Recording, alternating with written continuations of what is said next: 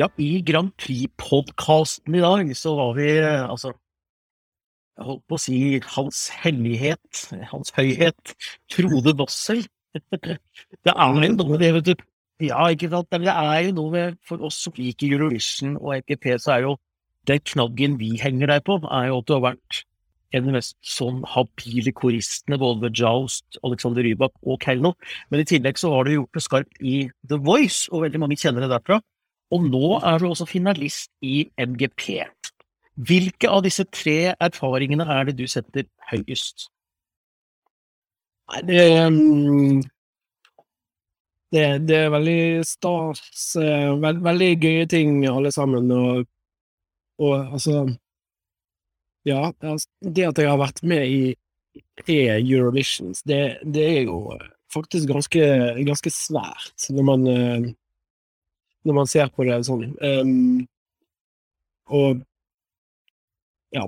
Uh, men uh, The Voice, den, òg var jo veldig Veldig, veldig fin, for da fikk jeg liksom uh, vist meg frem for et um, veldig stort publikum. Um, altså, det var jo korona, og hele Norge satt hjemme og så på TV, og det var en, et gunstig tidspunkt å, å, å være på TV. Um, og, um, og den um, videoen min fra, fra Blind Audition, den har jo gått sin seiersgang på YouTube.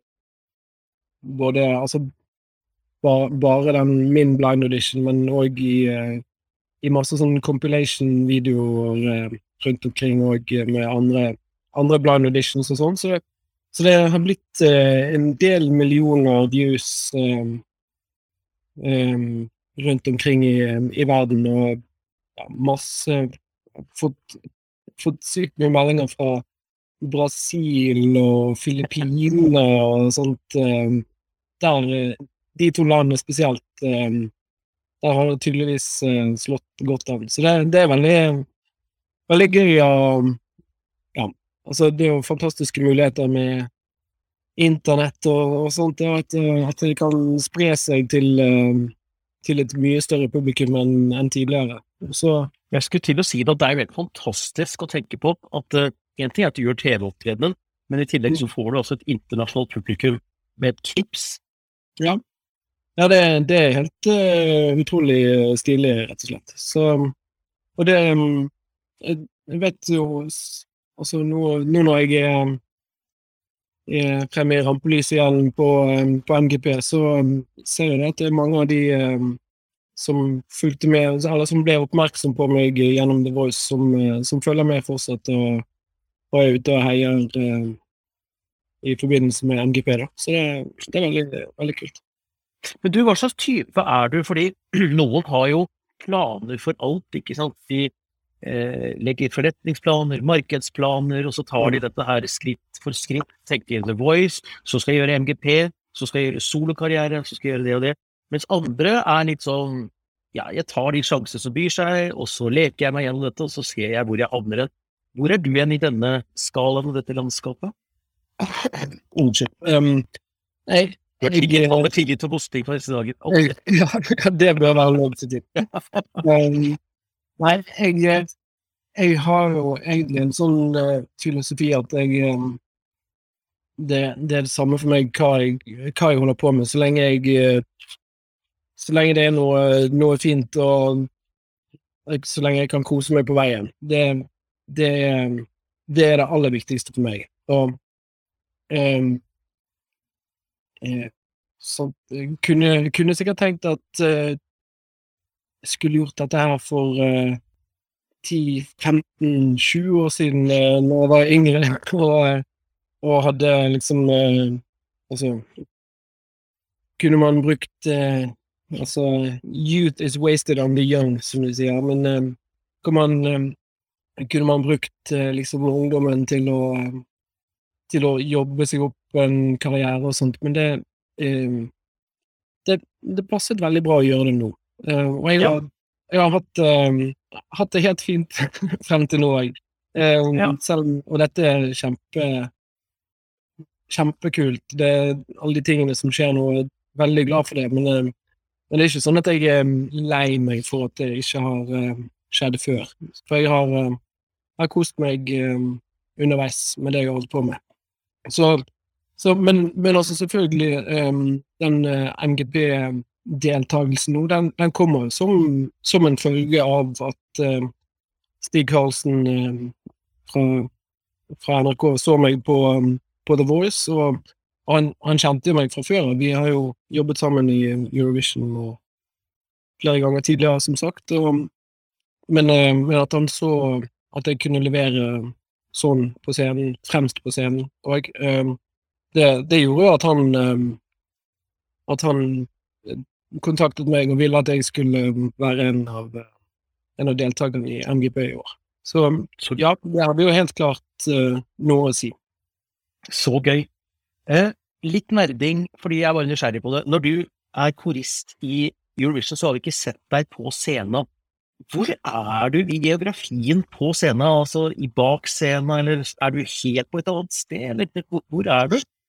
Uh, nei, vi eh, Da står vi i um, Altså, da står vi like bak scenen, så um, Ja, så da eh, Vi koristene og uh, artistene går liksom sammen gjennom hele løypen med innersjekk, og vi får mikrofonene våre, og så går vi opp til scenen, og så går artistene rett inn på scenen, men så svinger vi uh, rundt og står uh, den, De har en sånn posisjon der, helt bakerst, ute av lyset, ut, ja, ute av kameraet. kamera. Men hvordan ser du der? Hva, hva, hva, er det du ser på? Altså, du, du, står, du står på en måte i en glamorøs, fantastisk TV-sending for 200 millioner mennesker. Eh, Det er det vi ser. Lys og laser, og det spiller seg ut. Hva er det du ser visuelt når du står der? Har du en monitor hvor du ser artisten, eksempel? Eh, Nei, nei vi, vi, står, eh, vi står sånn at vi eh, at, Sånn at vi ser eh, Vi ser scenen. Så vi ser um, det som skjer, og vi ser uh, Det har vært litt forskjellig uh, på de forskjellige stedene, men, men, uh, men vi står vel sånn at vi ser, eh, ser salen og ser publikum og får med oss Får med oss det som er av kok og, og sånt, men på en litt sånn avslappende behagelig avstand. Så, men men vi, vi står sånn at vi ser de som er på scenen òg, sånn at vi skal jo Vi skal jo jobbe sammen og interagere med hverandre, eller helst vi mest med de. Men eh, ja, så vi, vi skal jo vi skal synge sammen, så det er jo det er jo et poeng å være i uh, en slags fysisk nærhet uh, til hverandre òg, som man kan ja, følge hverandre. Altså, det synes jeg var godt å høre, for jeg, jeg, jeg synes jo det er galskap egentlig å plassere koristene sånn. Jeg savner det på scenen. Jeg synes sånn, Temamessig så kunne vi fått til det, men, men når de da først står der, så er det hyggelig at dere ser publikum og får med noe av det. da. Låta di i år, eh, eller ikke i år, det er jo låta di, første NGP-låta di, eh, Black Flowers. Eh, du er småbarnspappa. Eh, hvor viktig er det perspektivet i denne låta? Det, er vel eh, Ja, det, det er en veldig stor del av, eh, av bakgrunnen for låten. Den, eh, ja, den handler om eh, altså Black Flowers er ment som en metafor for oss voksne og de tingene vi gjør, og dårlig samvittighet for, for eh, avgjørelser vi tar som, som vi eh, vet ikke er de rette, men vi, vi gjør det likevel fordi at eh, det er det enklest, den enkleste løsningen er den mest komfortable og behagelige løsningen, eh, men som får, eh, som får konsekvenser for eh, for ja, nærmiljøet og verden for øvrig, og, og det er jo, da er det jo da er det jo de som kommer etter oss, som, som må betale prisen for, for de feilene vi gjør, da. Og det, ja, det er jo- aktuelt for alle, men eh, spesielt for oss som, eh, som har eh, barn og sånt, så ja, så er det, så er det veldig, veldig aktuelt. Og jeg er veldig, veldig glad for at um, når jeg først skal være med i MGP, så, så, jeg, så deltar jeg med en låt som, som betyr mye for meg, og som er som, er, som handler om en sak som er viktig. Hvordan ble låta til? Den ble til um, Altså, vi var på, um, på camp på, um, på Rena i um, The Woods, på en sånn MGP låtskrivercamp. Um, der, ja, der ble vi plassert i grupper artister og produsenter og låtskrivere, og så, så var det litt sånn Skriv, skriv en låt. Dere har noen, noen timer i studio her, og så skriver en låt, og så Litt sånn tentamen på skolen. Red greit rundt om Avslutten av dagen. Ja, det er litt sånn. Um, og det, det var en ganske spesiell, uh, spesiell setting. Uh, for der jeg, kjen, jeg kjente ikke de andre um, da, um, når vi startet på den låten. Så det, det er jo litt sånn uh, litt, eh, litt ekkelt å skulle liksom jobbe kreativt sammen eh, med, med folk som man ikke kjenner i det hele tatt. eh. men det, er, oi. ja, det er en, en veldig lærerik prosess for meg, og jeg har ikke gjort så mye låtskriving før. Og, men, men det, er bare liksom å åpne, åpne seg opp og, og sammen finne finne ideer og forvalte de ideene til å, til å bli noe bra. Og så altså, vi, i løpet av eh, i løpet av seks timer den dagen så lagde vi skisse på låten som ble som er ganske nærmt sånn, sånn som låten er nå. Den har blitt eh, fikset på eh, i ettertid, selvfølgelig, men eh, ja, den, den oppsto der i løpet av de seks timene i et studio på Rena.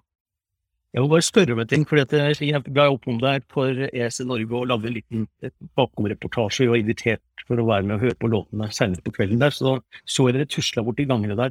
Og da ser jeg liksom at i sånne studiosessions så er det vanlig å ta med seg noen sånne referanselåter inn og begynner, altså for å lage sånn moodboard da, om hvordan man vil at låta skal være. Og jeg, må spørre, hadde dere med dere, for det var noen som påpekte likheten med biten til Muse sin Uprising. Var Mm. Uprising med Muse en av referanselåtene? låtene? Så jeg tenkte at dette var en kul bit. Ja, um, ja det, det kan jeg eh, avsløre at det, det var Um, den blant, blant flere. Um, Ja, ja. Og det, det er helt vanlig når vi skriver låter, at vi liksom bare prøver å finne altså enten elementer eller ehm, eller et landskap eller noe sånt. Og Så du blir ikke sur hvis noen påpeker at beaten kan høres ut For melodisk er det en helt annen låt, men at beaten er inspirert av det, det, det plager ikke deg, det? Nei, det, det plager ikke meg, og det kan jeg være helt eh, ærlig på. For det, og det er liksom Men, eh, men altså, ja. Muse har ikke copyright på en uh, sånn uh, shuffle eller tolv åttendels bit. Det, det um, Er det det det er? En tolv åttendedels, rett og slett? Ja. Ja, det er tolv åttendels, ja.